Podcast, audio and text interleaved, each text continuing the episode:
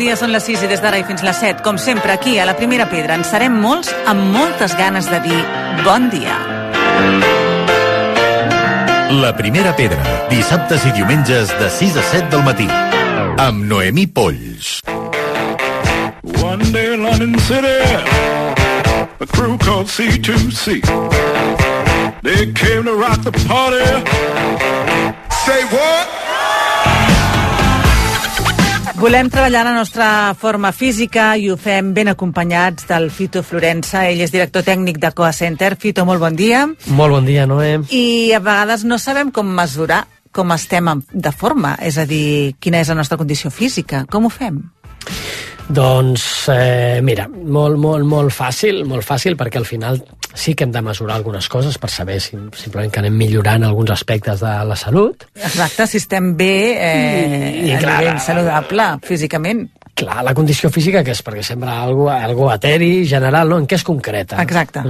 Es concreta amb unes capacitats físiques bàsiques, no? de, de força, quina força tens, tots els subtipus saludables, resistència a la força, la força submàxima, la flexibilitat, la mobilitat, en parat, en moviment, no? amb els peus a terra, enclats a terra, per exemple, hi ha moviment, uh, la resistència, també, hem de mesurar l'equilibri, la coordinació, aproximadament aquestes coses sí que és cert, sí que és cert que la mare de totes elles, vale? perquè per estudiar la condició física has de separar coses, però al final la mare és la força, perquè per donar un pas, per caminar, per córrer, has de vèncer una força. Vale? De fet, eh, contra el terra i avançar, no? O sigui, per tot necessites força vale? un tipus de força.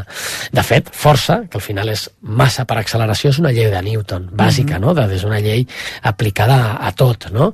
I, de fet, es mesura en newtons, perquè no? és una llei de Newton, i junt amb la llei de la inèrcia, que també es podia vincular a l'exercici físic, i acció-reacció, no? Doncs que si tu fas una flexió a la paret, doncs la paret et retorna la mateixa força amb la mateixa direcció que has implicat. Però bueno, ara no farem aquí la classe de física del col·le, eh? però és que a la part de ciències de l'activitat física hi ha una part de biomecànica i una part de física molt interessant. Clar. La base està aquí. Però bueno. No, no, i a més a més ja vam dir que ja vam muntar-nos al gimnàs aprofitant la paret de casa per fer Clar, flexions. Per doncs tant, aquí s'aplica una de les física. lleis de Newton.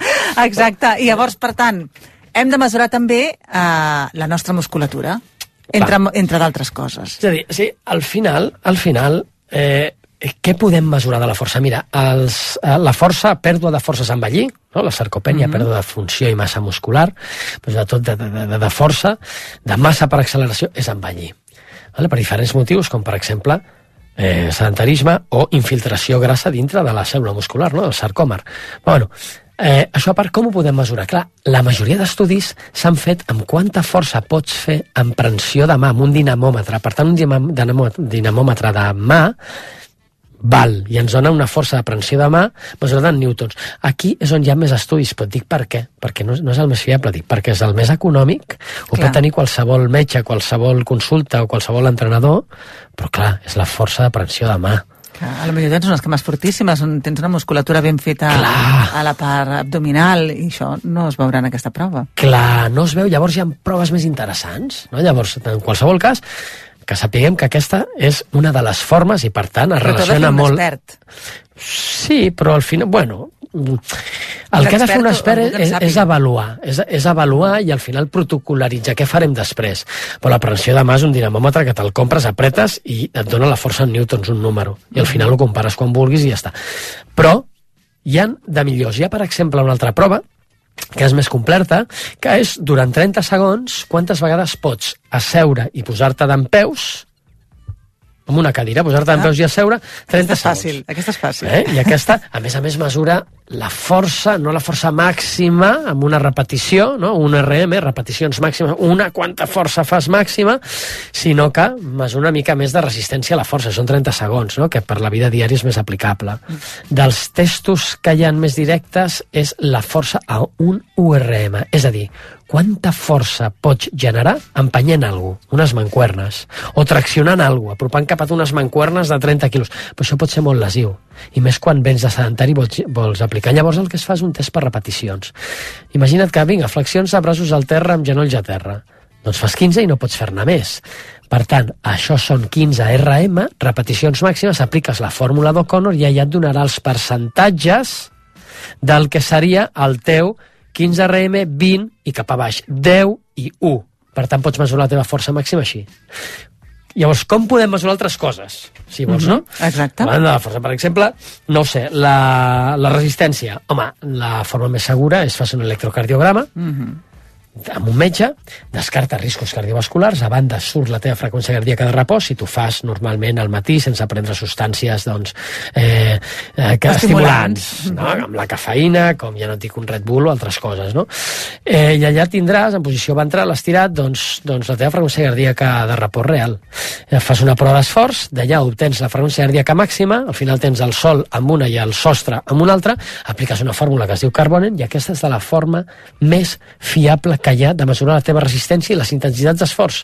Sí, quanta, no, la resistència que tens, el 60% de la teva freqüència cardíaca màxima, el 70, el 80, el 50, i aquesta és una forma seriosa i més rigorosa de mesurar i després protocolaritzar el programa d'entrenament per a la salut. Ara bé, com ho podem fer? No? Ho podem fer de forma teòrica, la fórmula de Fox, no? de forma Fox, i això què és? Doncs mira, us sonarà molts. 220 menys edat en homes i 226 menys edat en dones. Això és la fórmula de Fox. Això té més marge d'error, perquè al final són 220 menys la teva edat. I quan fem les proves d'esforç, per exemple, al nostre centre, des de la vessant eh, mèdico-esportiva, rara vegada coincideix la teoria amb el que realment és la gent, normalment estem o millor o pitjor que aquest estàndard. Vale? Hi ha fórmules una miqueta més complexes que potser tenen menys marge d'error, com Tanaka, però bueno, en definitiva, la millor forma ja la sabem i la fórmula de Fox és una forma de fer-ho. Quina és la teva freqüència cardíaca màxima, Noé? Agafes el mòbil, 220 menys la teva edat, aquesta és la teva freqüència cardíaca màxima teòrica, i a partir d'aquí calcules els percentatges. Quin és el teu 70, 80, no? Pues, quin és el teu 70%? Multipliques per 0,7 i ja està. I ja tens en pulsacions, teòricament, qui quan pots aguantar aquest, aquestes intensitats. L'equilibri, com ho mesures? Doncs prova amb els ulls tancats, perquè l'equilibri, un 80% eh, a tenir, ho tenim a la vista, elimina'l, tanca els ulls, posa't d'en peus, les articulacions estirades, cames estirades, i eh, prova d'aguantar amb el mòbil pum, quants segons aguantes amb la cama dreta i amb l'esquerra. I així ho mesures, no? de forma fàcil. Doncs eh, ho tindrem en compte perquè eh, estar forts i tenir els músculs forts és fonamental també per arribar a un bon envelliment. I aquella frase que dius tu, morir, Morir morir joves jove el, el més tard possible. Ah, exacte, aquest és el nostre objectiu. Moltes gràcies, Fito. Moltes gràcies a tu, Noé.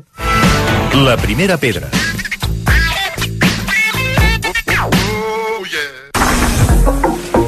Per què un festival de cultura i drets humans? perquè ens volem trobar. Perquè la música, el cinema o el teatre ens canvien la vida. Perquè la cultura explica el món. Un món on volem viure. Denunciem l'inacceptable i imaginem el desitjable. Tu també pots formar-ne part. Doncs sí, eh, tu també pots formar-hi pas perquè justament el que volem parlar avui és d'aquest Iridia Fest, que és un festival de cultura i drets humans. Prou ambiciós. Tenim a l'Andrés Garcia, que és un dels directors d'aquest festival. Dic prou amb- ambiciós, bon dia. Bon dia. Uh, perquè, déu nhi és a dir, no us hi poseu per poc. No, precisament pensem que hi ha molts festivals a la nostra ciutat i a Catalunya, però explícitament fets des des d'un punt de vista de juntar la cultura i els drets humans i fets per una associació sense ànim de lucre com és Iridia, amb el suport d'una cooperativa com Say It Loud, pensem que és una proposta nova. L'any passat va ser un èxit, vam fer sold out i la gent s'ho va passar molt bé, que també és el que volem. Llavors, anem a per la segona edició amb la idea d'intentar que això es quedi. Ara parlaves de vosaltres, d'Iridia. Expliqueu-nos una mica què és el que feu. Som una associació que ara mateix contem amb unes 1.300 sòcies i esperem que creixen. I el que treballem, eh, en moltes ocasions ens coneix molt per la feina que fem quan algú pateix algun tipus de eh, situació eh, de possible maltractament policial. De fet, som una de les eh, eh, acusacions de la causa de l'1 d'octubre per l'actuació policial. Jo crec que molta gent ens coneix per això, però a més a més d'això portem casos a presons, als centres d'internament d'estrangers, però també a la frontera sud, per exemple, on estem fent un monitoreig amb moltes organitzacions d'allà de què és el que està passant i els drets que s'estan vulnerant. El que fem és això i tenim, pues, eh, fem això, monitoreig, mirem què és el que passa, ho expliquem fem alguns litigis i tractem de canviar les coses. Al final és aportar el nostre, el nostre granet de sorra perquè ens aproximem una mica més a això que diem dels drets humans, no? Clar, ara eh, estava pensant, justament el que vosaltres és, tracteu el ter, eh, de primera mà les dades reals del que suposa una discriminació, un tracte diferenciat, i per tant aquest festival vosaltres dieu, neix de la reflexió que és fonamental demostrar que hi ha alternatives col·lectives empoderants que també dic, déu nhi perquè com s'explica això? Com es fa arribar a la societat? El que pensem és que si generem eines útils com la nostra associació o d'altres per intentar millorar les coses i fomentar una cultura dels drets humans, que a vegades és una cultura del bon tracte, no? que hem de portar a les nostres vides quotidianes, no? però, però també és un joc i des d'un punt de vista on, on lo podem fer, però també ballant, no? perquè també és una manera molt nostra de fer les coses, no? a vegades molt sèria i a vegades també és que hem, hem de gaudir i hem de poder apropar-nos des d'aquesta de, des programació cultural que pensem que diu molt de la feina que intentem fer en el dia a dia. Ara entrarem al detall, perquè el festival aposta pel desenvolupament i el foment de la cultura, entenent-la com a part essencial de la defensa dels drets humans. Ara ho estaves dient tu. Per tant, què incloeu? Què veurà la gent? Pues hi ha com... Què té el programa? Explica'ns el programa. Hi ha divendres 16 i dissabte 17 eh, amb un perfil una mica diferent, no? Divendres 16 entrarem al teatre, eh, portem una obra que s'ha fet al Teatre del Barrio, que eh, l'actriu principal és Silvia Agüero, que és una de les principals també activista, actriu activista eh, contra l'antigitanisme, eh, i llavors és una obra molt bona, amb també molt d'humor i molt irònica, on eh, es parla d'això que en moltes ocasions no parlem tant. Al final l'antigitanisme és una forma de racisme que tenim aquí des de fa moltíssim, moltíssims anys, i jo crec que fa un, un apropament des d'un punt de vista com molt empoderador, feminista i molt potent, i, um, i li van proposar, i així farem, tancar l'obra eh, amb música o sigui, és com una edició especial de, de, de, de, no, de l'obra No soy tu gitana, que està encara amb, amb una cantautora, eh, Carmen Amador, eh, i Rafael Perona, un guitarrista, que a més els dos estan molt compromesos amb, amb, amb l'activisme a favor dels drets del poble gitano i jo crec que serà molt potent i és una manera d'apropar-se a una realitat que jo crec que encara ara a molta gent és una mica llunyana i, i per nosaltres és important perquè pensem que hem d'erradicar aquest tipus de situacions, però en, en positiu i en propositiu també. Uh mhm. -huh. Això pel que fa a divendres. Sí. Dissabte, què més tenim? Dissabte traurem les butaques, posem la mm, pista de ball i llavors tindrem propostes des de les 10 de la nit fins a la matinada, les 4 i les 5, on passarà, diguem, per un costat una banda d'aquí, eh, de Barcelona, però que connecta amb, amb molts músics latinoamericans de les ciutats, que es diu Tarquim, que, que fan principalment salsa fusionada en jazz, que és molt bona, i, i per engegar la nit. Després ve Daudelin, que és una és un grup que venen de Lyon, és una mica l'aposta internacional d'aquest festival que també fem, és un grup que està també vinculat amb temes d'antiracisme que treballa i, i, diu, i fa una cosa que es diu afro afrofuturisme. Pues, què vol dir? Pues, mm, és barrejar potser coses del rap amb eh, sons tradicionals i amb una mica de eh, base electrònica, el qual fa que sigui molt ballable. I després, diguem, la nit encara anirà pujant la temperatura perquè ve la Pili, mm, qui no conegui la Pili l'ha de conèixer perquè a més a més de ser una artista brutal, pues és una influencer molt necessària des del feminisme i des de la diversitat dels cossos, eh, d'on a vegades jo crec que costa encara acceptar, no? En, ens costa cadascú acceptar els nostres cossos, pues jo crec que ella fa per una aposta molt grossa de, per, per, per tractar d'aquesta diversitat de coses i ho posa a nivell de, de, ja entrant en el món, diguem, dels sons urbans i del perreo i acabem la nit amb dos DJs eh, genials. Eh, un d'ells col·labora, de fet, amb, amb Keran Laoz, es forma part de la seva banda, però a, a més a més té un, un projecte propi, es diu Jazzman, i és un dels millors DJs que tenim a Barcelona. Llavors, amb moltes ganes, la veritat, més enllà de, de l'organització per l'equip, és un moment molt important també, no? Gaudir de- gaudir d'això. Mm -hmm. Poder disfrutar també d'aquest món musical, teatral, que, va de complementar i que és una manera també de donar a entendre molts valors que a vegades la societat perd i no sabem per què. Per tant, s'ha de ser militant. Eh, qui vulgui més informació, on entra, on va? Quina pàgina web teniu eh, activada perquè es pugui mirar si hi ha entrades, si volen veure l'espectacle? Sí, la web de Iridia, que és iridia.cat, allà enseguida mm, es veurà el cartell i es podrà anar a comprar les entrades si es vol i a més a més també a la web de Paral·lel 62 que és la sala on, on es fa, on es va fer l'any passat creiem que és una sala que està fent una feina excel·lent no només per la programació internacional sinó també per de cara al teixit associatiu de la ciutat i, i això. I tot això ho fem no ho podríem fer sense el Say It Loud. El Say It Loud és gent que porta fent programació cultural a Barcelona des de fa molts anys, portant moltes bandes internacionals que potser no es coneixen, ells les porten i després van a altres festivals més grossos. Pues, també això ens proposem amb l'Iridia Fest. Eh, L'any passat va anar molt bé i esperem que aquest any també, i això mm, eh, es tracta de passar-ho bé, no? I de créixer com a entitat també i que creixi també el festival a poc a poc. Doncs depèn també de que la gent s'hi acosti, que valdrà molt la pena, segur que sí, ens ho passarem molt bé. Moltíssimes gràcies, Andrés Garcia, que és un dels directors d'aquest Iridia Fest, que es celebra 16 i 17 de febrer. Moltíssimes gràcies, que vagi molt bé. A vosaltres, moltes gràcies.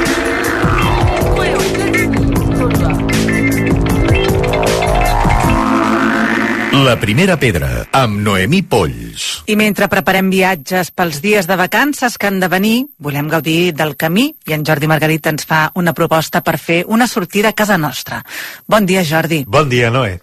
El lloc que avui em proposo visitar caldrà que l'apunteu a l'agenda per més endavant. Però no me'n puc estar ara de, de parlar d'aquesta joia que tenim a Andorra i que, atabalats pel turisme o les compres, ens deixem de veure i experimentar. Voleu saber de què parlo?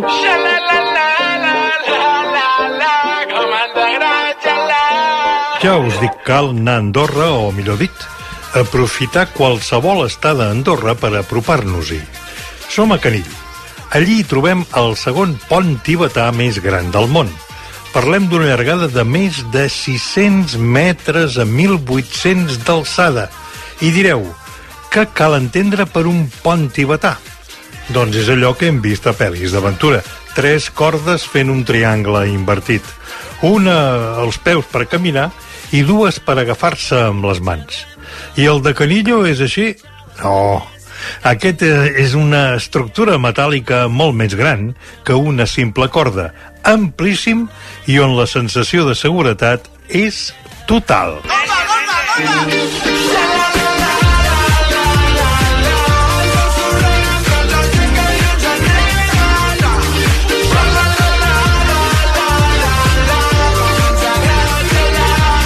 Parlem d'una passada de periple que, que, que segur que us complaurà. I podeu anar amb família. La canalla hi xalarà cosa de no dir. Ara, els més menuts els haureu de dur a coll, ja que els cotxets no els deixen passar. Ja us dic que el lloc d'avui l'haureu d'agendar per més endavant. Ara, a l'hivern, és tancat. Obren per primavera. El pont tibetà de Canillo no l'oblidareu fàcilment. Valents i decidits, fareu una travessa extraordinària.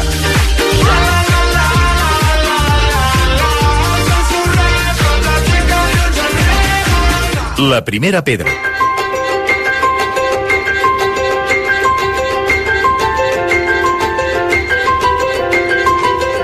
Salta per la porta i entra per la finestra és el tercer llibre del periodista Charlie Diego. Un recull de relats editat en paper i en format de llibre electrònic i subtitulat Relats, microrelats i altres herbes. Charlie Diego, bon dia. Bon dia, bon dia i bona hora. Locutor de ràdio, presentador, guionista de televisió, molta gent et posarà cara amb el Joc del Segle o la Loto 649 o Sí. moltes altres coses, perquè Sí. fa dos anys celebraves 50 anys de trajectòria professional, però imagino que aquí la ràdio eh, t'hi trobes bé, no? Sí, home, em sento com a casa. I, eh, jo, encara que he fet televisió i fins i tot he escrit en, en, en, en premsa local a Manresa, em sento molt de ràdio. I, per tant, quan veig un estudi, veig el teu amic el tècnic, la taula i tal, encara que tot ha evolucionat, però em sento còmode, em sento, em sento gust, em sento bé. Perquè, de fet, ara parlàvem de que és el tercer llibre, però és que el primer, justament, va ser Gràcies per la música.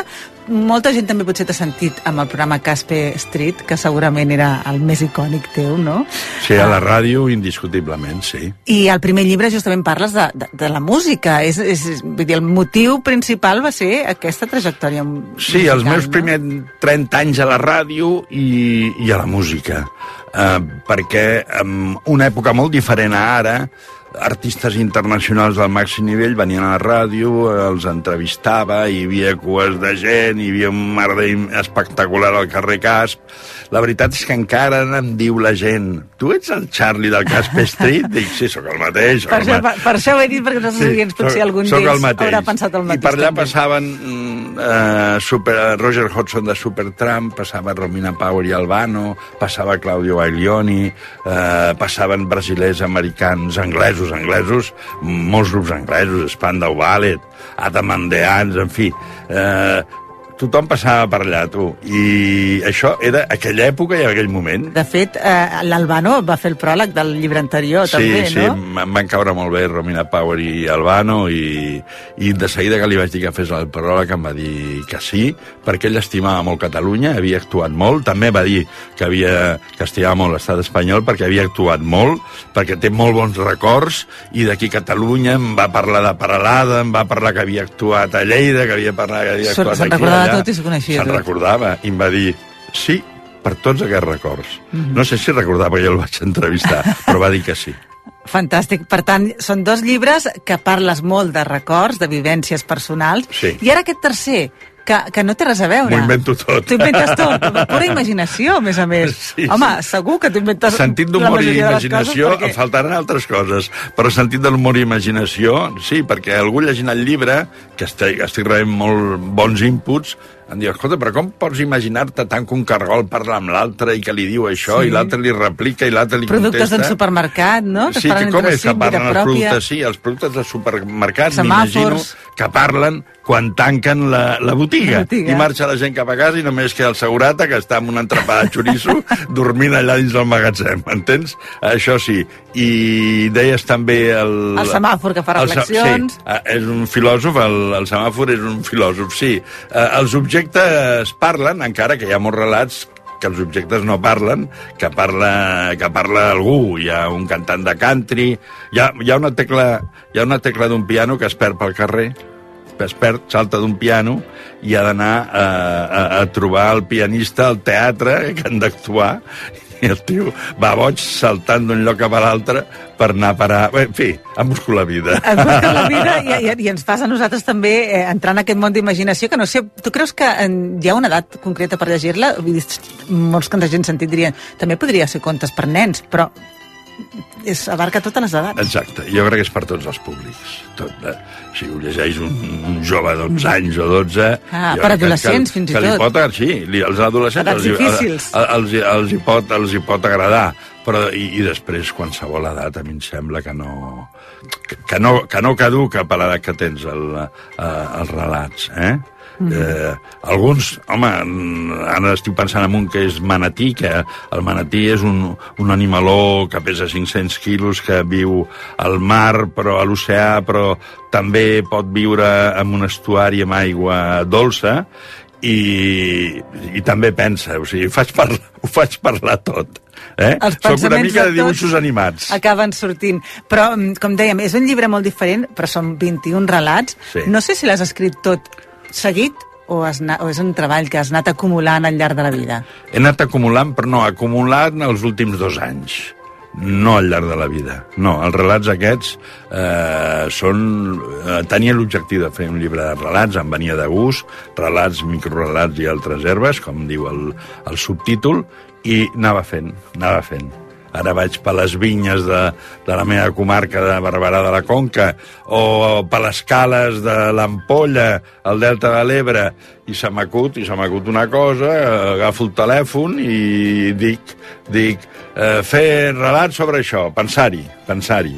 Això ho he après de, bueno, deu fer molta gent, deu fer molta gent quan va pel carrer i recorda alguna però hi havia un cantant que es deia Moris Argentí, cantava Zapatos de Gamuza Azul, i aquest anaves amb ell pel carrer i parava de cop, li venia la inspiració divina i t'analejava una melodia i diu, disculpa, eh, és, és que si no se me va. Devia portar un, un caset petit Llavors els de l'època minis, i, sí. i el tio s'inspirava pel carrer, tu. I tu has fet més o menys el mateix, has, anat, el mateix, has anat inspirant a, a Sí. mida que anaves Sí. improvisant un amb la vida. O un títol, vaig buscant el... Quin títol li poso? No, és que clar, aquest és un altre. Salta per la porta i entra per la finestra. Ja, ja estàs fent una premonició de que el contingut estarà ple d'imaginació. Bé, era, era la idea de provocar de- una mica, de cridar l'atenció... Exacte, de trencar una mica el, el, el tema... que- O sigui, per convencional, el, el convencional, dissortadament, a la nostra societat s'obre s'obre per molts llocs, a molts àmbits, de moltes maneres. Jo he intentat, amb la meva humilitat i, i modèstia, intentar no ser convencional tot el que he pogut. Un programa de música, intentar presentar-lo d'una manera no convencional preparant-me molt, preparant les entrevistes, posant els efectes. He tingut jingles de 70 artistes, entre ells Pino Manjoma, qual idea, que cantaven el nom del programa, o, o Charlie Deo, no sé quanto, i Mecano igual, amb Eloi no me puedo levantar, sempre buscant-me la vida, buscant-me la vida perquè l'oient se senti... Oh, mira, que, o quanta que fan ara, no? Però a la ràdio, allò que deia la trinca. I, evidentment, un home de ràdio, clar, has acabat fent el teu primer audiollibre, eh, que fiques tu la teva pròpia veu, perquè sí, no podia ser d'altra manera. aquesta pregunta, com diuen. Sí, No podia ser d'altra manera. Qui més podia jo, llegir no, aquest no, llibre, Jo no? crec que l'autor, malgrat que l'autor no és un actor de doblatge, però al ser un home de ràdio i de televisió i tal, doncs, en fi, no està llunyà a gravar un audiollibre. Però, a més, si ets l'autor, doncs aleshores a mi em venia molt de gust fer-ho i m'ha vingut tant de gust fer-ho que després de tenir el salta per la porta i entra per la finestra amb audiollibre doncs també faré audiollibre en català i castellà del primer de Gràcies per la música Ah, Està molt bé. Sí, em sembla que el, Sí, aqu- aquest, diguéssim, aquest testimoni de Gràcies per la música, aquesta biografia de Gràcies per la música, eh, això ho he de deixar... Amb algun recurs més sí, a part de la dintre veu? 200 anys, mira, hi havia un capullo que, feia, que va explicar la seva vida amb aquest audiollibre. Ara ja has presentat el llibre a Barcelona, però encara hi ha gent que et podrà veure, perquè tu ets una persona bastant de, de, de, de comarques, també, eh? de territori. Sí, perquè he sigut molt de Barcelona. Ha sigut molt de És un- Barcelona i ara És està un moviment de- recuperant. d'autoajuda, eh? de, de, de, de resposta. He viscut a- al costat de la plaça Urquinaona durant... Entre... Ets de Terrassa, per això? Eh, Això de Terrassa. Que vagi per no, davant. No, no, això està bé, però des dels 20 anys, sí, és important ser a Terrassa. Marca, marca, marca tendència. Però he viscut més de 30 anys, o gairebé 40 a Barcelona. Per tant, quan va haver la pandèmia vaig dir ara és el moment d'anar i viure al costat de les vinyes, del poble i tal, encara que sempre molt en contacte amb la ciutat. Eh, jo visc a Barberà de la Conca i a l'Ampolla, en aquests moments, també el Delta de l'Ebre, però anem a Reus, anem a Valls, anem a Barcelona, escolta, dir, no passa res, eh? No, no. Sembla, sembla que els de poble no, no fotin res més que estar tot el dia al poble, no. No, no, no, no es home, pot ser tan, es tan actiu o sí, més, Sí, perquè si gaudeixes del que t'interessa de cada lloc, Mhm. escolta.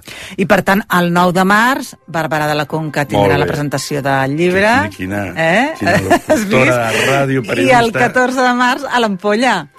Sí, amb la presentació del teu amic Sí, senyor, Arturo l'Arturo Gaia, de- que... dels Quicos. Dels Quicos, el Quico, el Cel i un noi, i el Mut de Ferreries. Oh, oh, que bons són. Fantàstic. Per tant, serà també un acte divertit i el llibre, com dèiem, no sé si algú encara no se'n recorda, salta per la porta i entra per la finestra. Un títol potser difícil de repetir, però que segur que no se us esborra. Relats, microrelats i altres herbes. Eh, Charlie, ha sigut un plaer parlar amb tu. Podríem estar Igual- hores i hores i hores, Igualment, igualment. Sí, però de moment llegirem el llibre i si volem recuperar moltes d'aquestes anècdotes, recuperarem aquests altres dos llibres teus. Moltíssimes gràcies per A haver tu, estat aquí. a tu, adéu.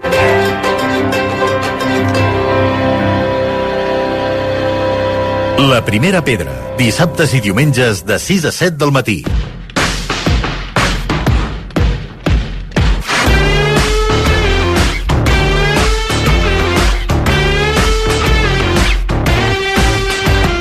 Avui parlarem sobre un tema del qual cada vegada se'n parla més al món de la inversió, que és la inversió indexada.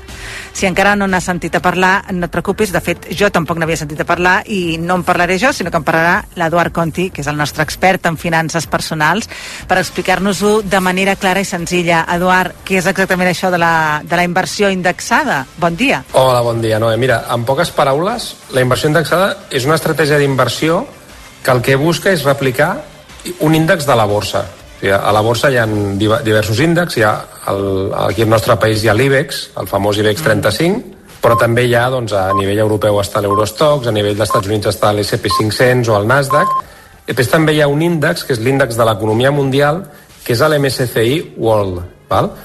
Tots aquests índexs el que fan és mesurar el comportament de les empreses cotitzades més grans de diversos mercats del món. Per exemple, a l'IBEX Espanya representa 35 empreses i, en canvi, a l'MSCI World, que és l'índex que et deia de l'economia mundial, aglutina al voltant de 1.500 empreses de diversos països, diversos sectors, etc. I com funciona? Mira, en lloc de que un gestor de fons seleccioni manualment quines accions compra i ven, en el cas de les carteres indexades, el que es fa és invertir en totes les accions que composen un índex i en les mateixes proporcions que l'índex. És a dir, no s'ha de pensar, no, no té que haver-hi un ésser humà pensant, i ara què faig? Ara compro accions d'Amazon, venc accions de Grífols, compro accions del Santander, venc accions de, de ACS, què faig, no? Uh -huh. No. En aquí, simplement, eh, el que fem és agafar qualsevol d'aquests índexs que n'hi han diversos a cada país i també n'hi ha a nivell regional i hi ha aquest índex al Mundial i el que es fa és replicar l'índex. Mm -hmm. o sigui, no es pensa, es replica l'índex i punt. Que uh, això seria una mica que ho porta la intel·ligència artificial. Quins avantatges té aquest tipus d'inversió? Clar, exactament aquí s'ha apuntat un tema important, no? que és que exactament això no cal que ho faci una persona, ho mm -hmm. pot mhm. fer un robot. Sí, eh? sí. I llavors, uh, un dels principals avantatges de la inversió indexada és el baix cost Eh? Com que no hi ha una, una persona o un equip de persones prenent decisions sobre què comprem i què deixem de comprar i què venem, etc, mm, no, hi ha, no es requereix aquesta intervenció constant de gestors, això fa que les comissions siguin bastant més baixes que en el cas dels fons de gestió activa, que són aquests fons en els quals hi ha persones humanes eh, prenent decisions. Això no és cap tonteria, perquè en un país com el nostre eh, les comissions són molt elevades en concepte de gestió i sobretot les que cobra la banca, eh, s'ha de dir. Som, som un país que, que patim unes comissions molt elevades si, si volem invertir i, i per tant, la, clar, la diferència entre pagar una comissió del 2% anual, que seria una comissió habitual al nostre país, o pagar un 0,5 o un 0,6%, que seria una, una comissió habitual amb un fons indexat, home, és una diferència bastant important. Eh? En el llarg termini diria que és una, té un impacte enorme i per tant doncs, podem deixar de guanyar molts diners si, si ens toca pagar comissions d'aquestes més elevades. I no perdem diners invertint d'aquesta manera? Això té un punt de mite, no? perquè clar, algunes persones pensen que invertint en índex el que estan fent és renunciant a l'oportunitat d'obtenir guanys significatius, no? perquè d'alguna forma, clar, l'índex, el fet de que l'índex no hi hagi ningú darrere pensant vol dir que l'índex puja i baixa. I en el moment que baixa, nosaltres seguim invertits, no? Clar, el que passa és que s'han fet diversos estudis que el que han demostrat és que en el llarg termini la majoria de carteres indexades superen els fons de gestió activa, que és una forma de dir que a vegades això de pensar, no? quan som éssers humans amb una racionalitat limitada, etc, doncs no sempre prenem les millors decisions. El més fàcil i, i també, en molts casos, el més rentable és simplement agafar un índex i replicar-lo. Home, déu nhi eh? Tota la reflexió que porta darrere aquesta manera d'entendre també l'economia, però per tancar, algunes recomanacions? Sí, mira, realment la inversió indexada pot ser una molt bona opció per les persones que busquin una estratègia d'inversió que sigui simple, que sigui diversificada i que sigui de baix cost. Llavors, la meva recomanació amb la inversió indexada, en plan, bueno, com ho faig per començar a invertir? Doncs el primer seria hem d'invertir diners que no necessitem, que no necessitem, eh, hem de saber en què, en què invertim, hem d'invertir a llarg termini i en el cas de la inversió indexada el que funciona molt bé és invertir una quantitat fixa cada mes, és a dir, la que puguem permetre'ns, eh? Això el que permet és anar esquivant, saps que la, la, la borsa al final té pujades i baixades. Mm -hmm. Si nosaltres anem, anem entrant de mica en mica cada mes, el que estem fent és anem com surfejant la onada. O sigui, hi haurà vegades que comprarem barat, hi, ha, hi haurà vegades que comprarem una mica més car, però no haurem de fer d'agafar una bola de cristall i endivinar quin és el millor moment per entrar. Clar. Simplement estarem entrant cada mes i és una forma també de, a llarg termini, això surt molt bé. Aleshores, eh, l'altra pregunta seria, bueno, i, i com ho faig jo no, per comprar un fons indexats? Doncs bé, la majoria de bancs, eh, si els hi demanem si podem invertir en un fons indexat, els comercialitzen. És a dir, es pot comprar, es pot entrar en un fons indexat des d'un de, des banc. Uh, però clar, si volem reduir al màxim les comissions, de les que abans, com abans t'he comentat, doncs és un tema que, que pot fer molt mal a la butxaca, no? les elevades comissions que cobra la banca, mm -hmm. jo recomano eh, que, que la gent que estigui interessada descobreixi els robo-advisors. Els robo-advisors, que és mm, robo-advisors, vol dir assessors robots, no? Mm -hmm. Perquè al final, com tu has dit abans, això ha ningú que hagi de pensar, es pot sí, automatitzar. Sí. Els robo-advisors són empreses del sector financer que fan una gestió automatitzada de les inversions. Llavors, abans de començar a invertir, el, el que fan els robo-advisors és et fan un qüestionari, et fan algunes preguntes per saber quina mena d'inversor ets, quina situació econòmica tens, no? per saber doncs, quins, quin nivell d'ingressos, de, de patrimoni, etc i, i d'aquesta forma el que fan és eh, buscar una, una inversió que sigui coherent amb la teva situació econòmica i també amb la teva relació amb el risc i el RoboAdvisor doncs, intenta fer recomanacions a mida. Doncs ens quedem amb aquest concepte de RoboAdvisor que posa en evidència també que la intel·ligència artificial està dins de l'economia. Moltíssimes gràcies, Edu. En seguirem parlant d'aquest i d'altres temes que van sortint, i tant que sí. Moltíssimes gràcies, com deia. A tu, Noé, que vagi bé.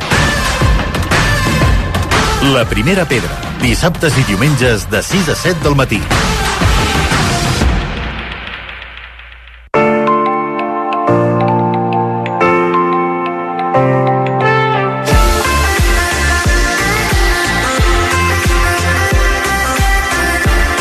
Anem a descobrir coses que passen per l'univers perquè tenim a la Laia López, que és controladora de terra de l'Estació Espacial Internacional. Laia, bon dia. Hola, molt bon dia. Laia, digue'ns, què, què és això? 10, 9, 8, 7, 6, 5, 4, 3, 2, 1, ignition. Exacte. Doncs uh, sembla que sigui la missió Action 3. Eh, Explica'ns, eh, què és aquesta missió? Uh, això que escoltàvem ara era l'enlairament des de Florida del que es comenta la missió Axiom 3 que es va enlairar el passat 17 de gener i és una missió de dues setmanes amb quatre astronautes europeus que faran més de 30 experiments i més de 50 um, events de divulgació a bord de l'Estació Espacial Internacional. I els astronautes qui són? Doncs uh, tenim una barreja, els quatre són europeus, uh, tenim el, el Michael López d'Alegria, que de fet va, va néixer a Madrid, uh, però va migrar molt jove als Estats Units i de fet va, va ser astronauta de la NASA, uh, però ara també està treballant amb aquesta empresa privada, l'empresa Axiom, que és aquesta que porta uh, els astronautes a l'Estació Espacial Internacional, i ell va ser, de fet, el comandant de la primera missió privada d'astronautes, la Axiom 1. Després tenim a l'italià Walter Viladell, que és bàsicament un coronel de les Forces Armades d'Itàlia. Tenim el turc Gezerabski, que és bàsicament també um, que va treballar en, en l'armada d'Istanbul. I per últim tenim a l'astronauta de l'Agència Espacial Europea, el Marcus Van, que de fet és, és un astronauta eh, que treballa doncs, pel govern, però que també ara forma part d'aquesta missió Axiom, que porta doncs, astronautes eh, de manera privada a la Lluna, ai, a la Lluna, a l'Estació Espacial Internacional, però que l'objectiu en el futur és construir la seva pròpia estació espacial. Uh -huh. I quins experiments fan? Doncs a bord de l'estació espacial es fan diferents experiments. Uh, jo us en, us en he portat aquí tres per, per destacar, perquè us feu una idea. Doncs, per exemple, uh, estudien cultius de cèl·lules uh, cancerígenes per estudiar doncs, eh, com es comporten en microgravetat a els organoides d'aquests tumors per, amb l'objectiu d'identificar doncs, quins són els primers uh, senyals d'alerta del càncer per a la predicció i a la, i a la prevenció. Uh, també, per exemple, uh, estudien uh, l'agregació de proteïnes en, en microgravetat uh, implicades en, en malalties neurodegeneratives.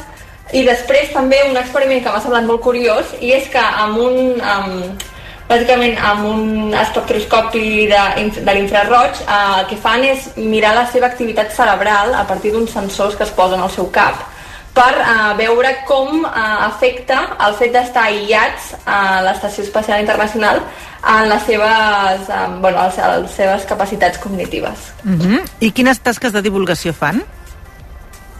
Sí, com hem comentat, doncs, que això que feien més de 50 tasques de divulgació. Eh, quan parlem de tasques de, de divulgació estem parlant doncs, que fan videotrucades eh, o amb universitats, per exemple, l'astronauta turc farà una, una, una entrevista amb el president de Turquia eh, i també fan doncs, eh, entrevistes doncs, amb, per exemple amb l'Space Generation Advisory Council que és bàsicament un grup de joves que, i professionals en el sector espacial no? i on els, aquests joves els hi pregunten eh, preguntes de com és viure eh, a l'Estació Espacial Internacional, la seva experiència eh, i quins tipus d'experiments eh, fan.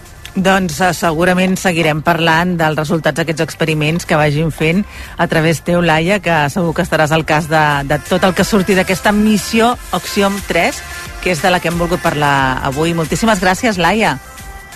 Gràcies a vosaltres, que vagi bé. La primera pedra.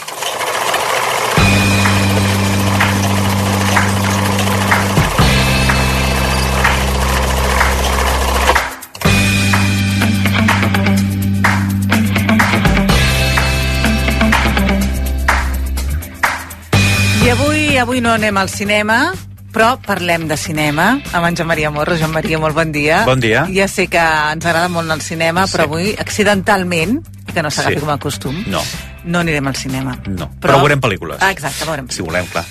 Um, dues pel·lícules que uh, són, diguem-ne que uh, les grans triomfadores de la darrera edició dels Premis Gaudí, però a més a més també tenen un recorregut important pel que fa premis que van recollir al llarg de l'any passat, del 23, i després també, que aquesta pròxima nit que es lliuren els Premis Goya, també són algunes de les uh, pel·lícules que en tenen més nominacions, i de les quals, tu em diràs, i per què aquestes dues i no unes altres? Per què aquestes dues no nosaltres? Perquè no n'havíem parlat.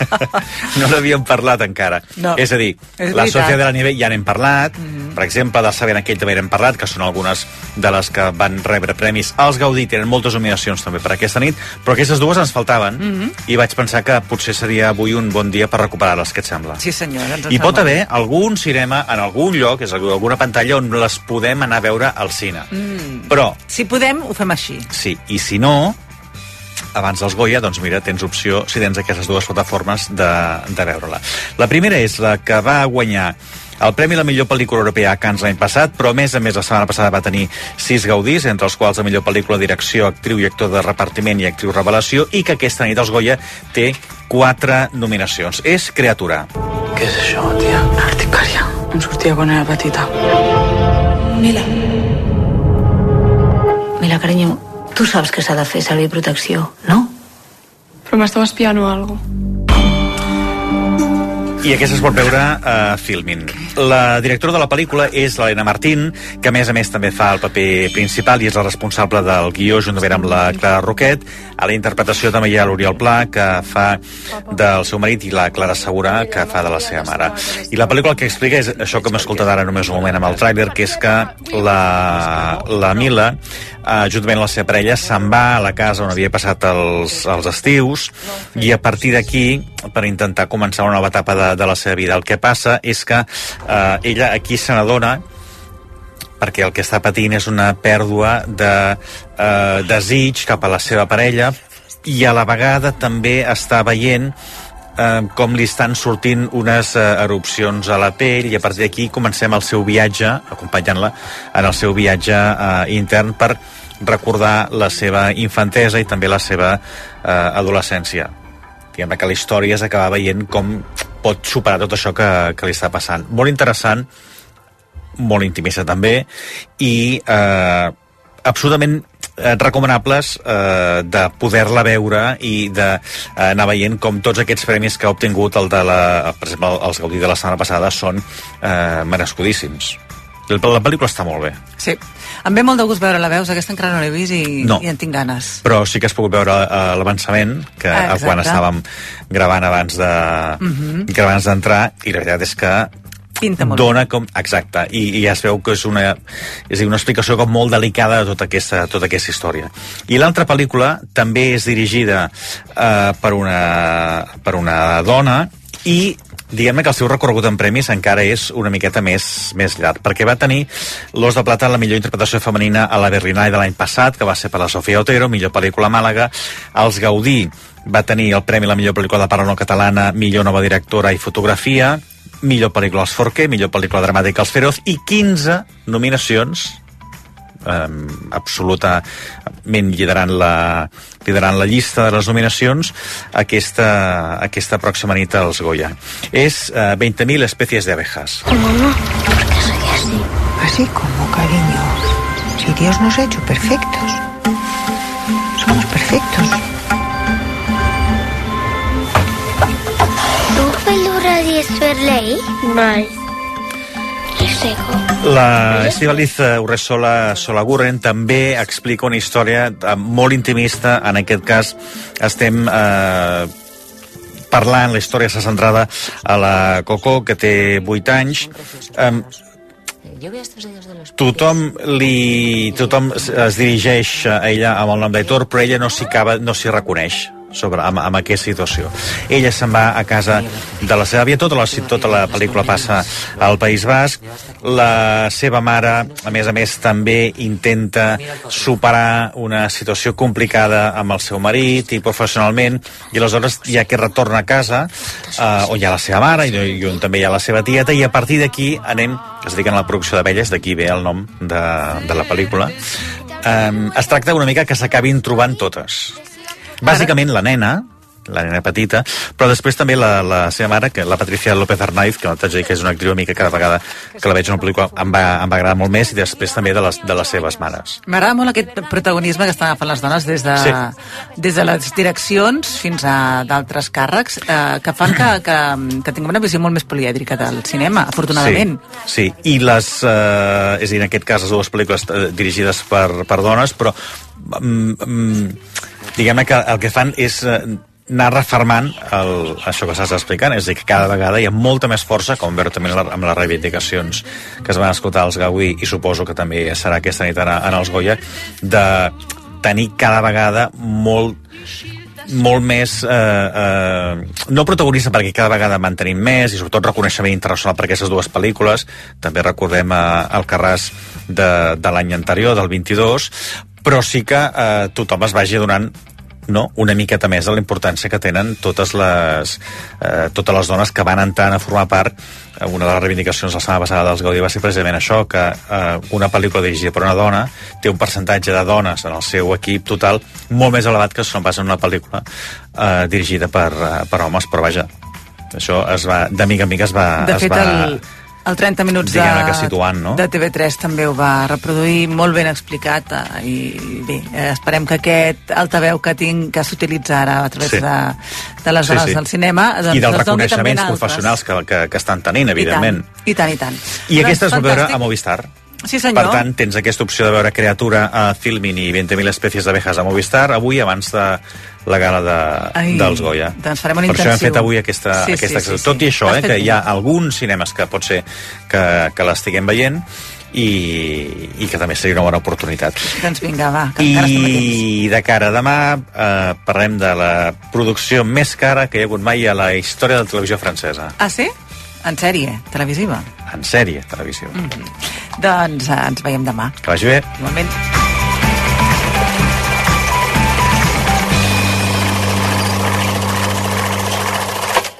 Ya sé que soy solo una zorra,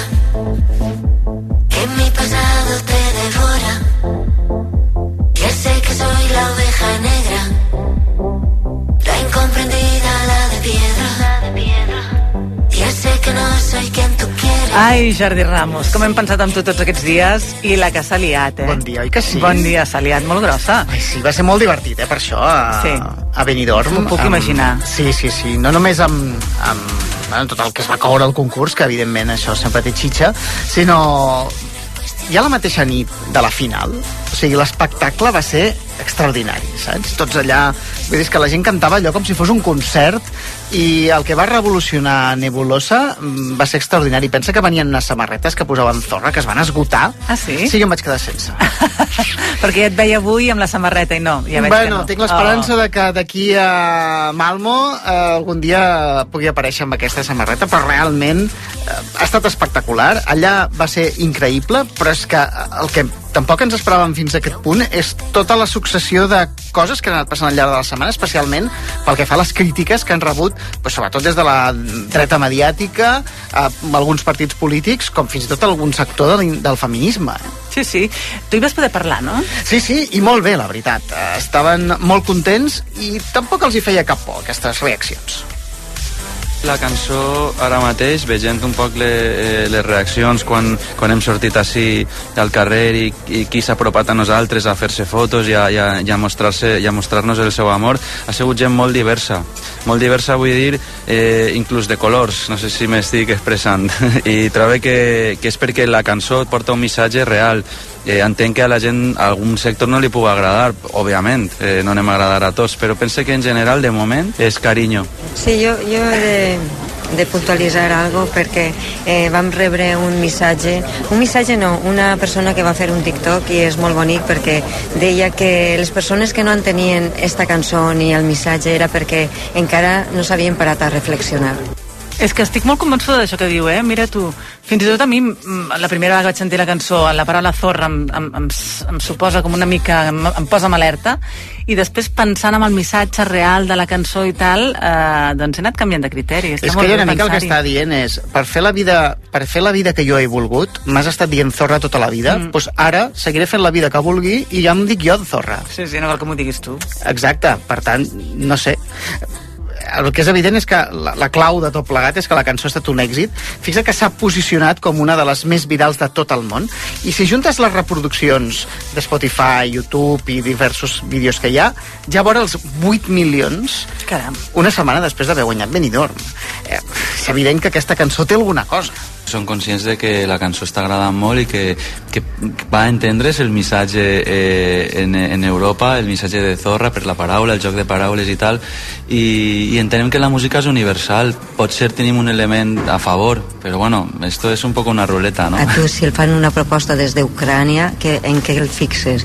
Pues en la cançó, no. Després ja si pots profunditzar La melodia, no? En la en la melodia, melodia, i, en el, i ja si t'agrada la cançó, pues ja busques a veure de què parla la cançó. També és veritat que la posada en escena té un punt trencador i fins i tot, si tu mires la majoria d'actuacions d'Eurovisió, el fet que una persona madura sigui la que surt a cantar també és un punt de vista diferent, no? Sí, la veritat és que el fet de, de tindre una edat ja pues, eh, fa que el prengues les coses de diferent manera i, i també esta oportunitat és per a eh, donar a entendre que qualsevol persona eh, pot tindre un somni a qualsevol edat, no? Quin creieu que és el secret de Zorra? Per què creieu que ha enganxat d'aquesta manera?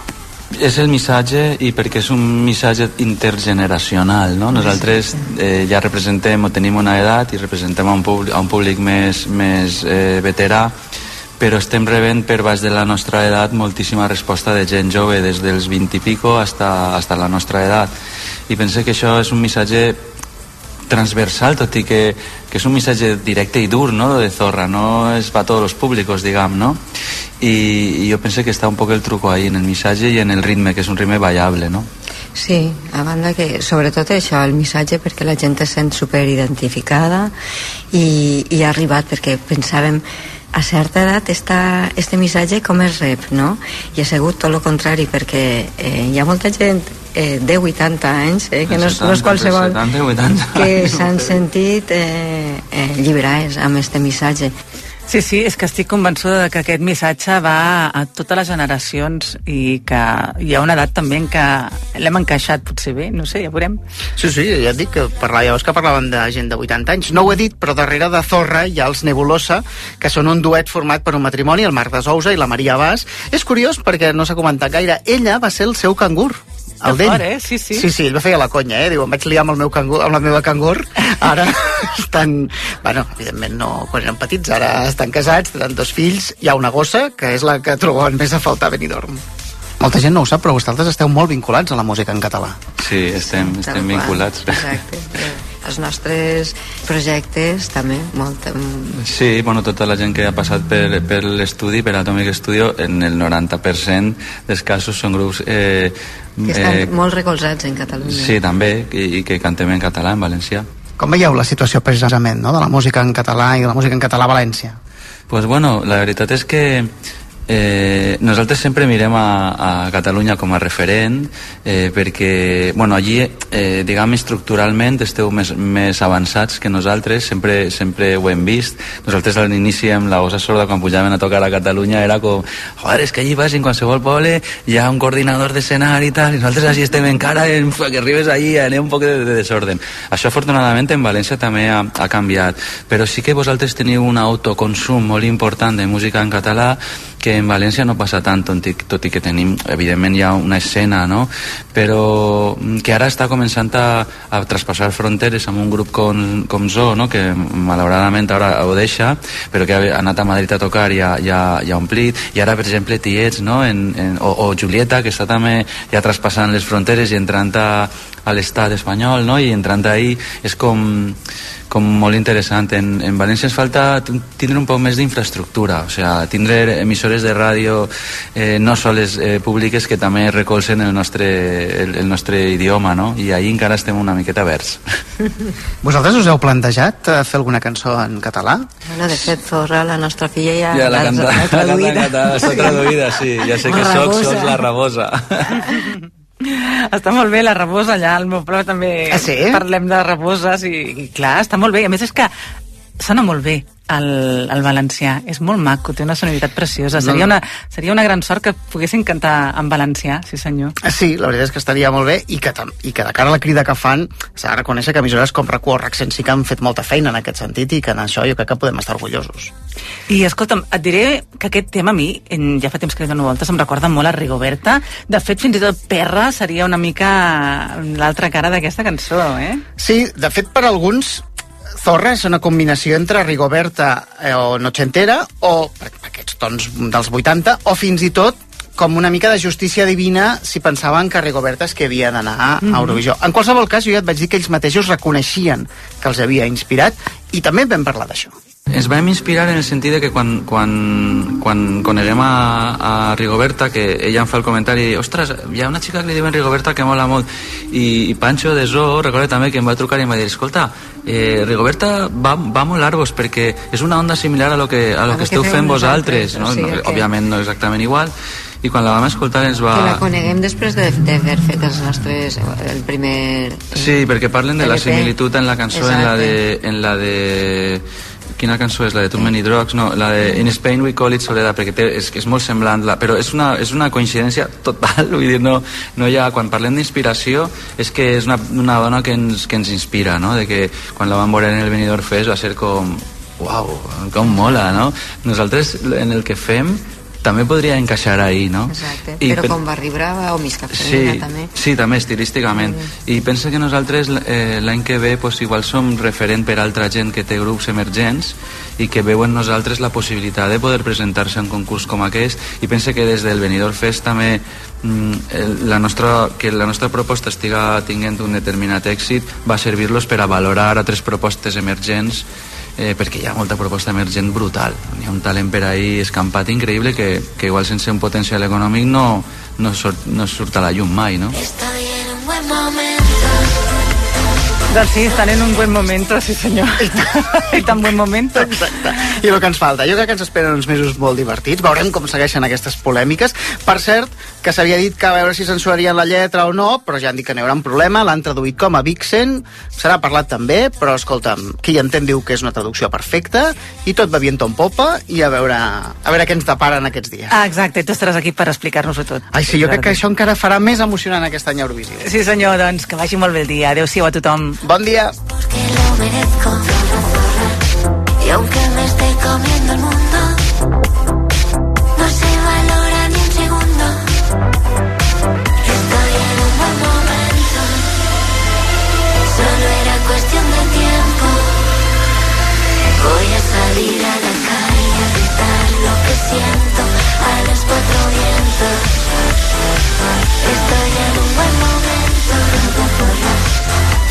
Reconstruïda per dentro.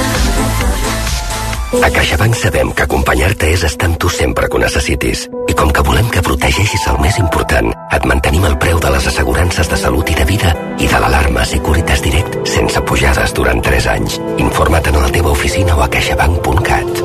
CaixaBank. Tu i jo. Nosaltres. S'aplica les assegurances MyBox.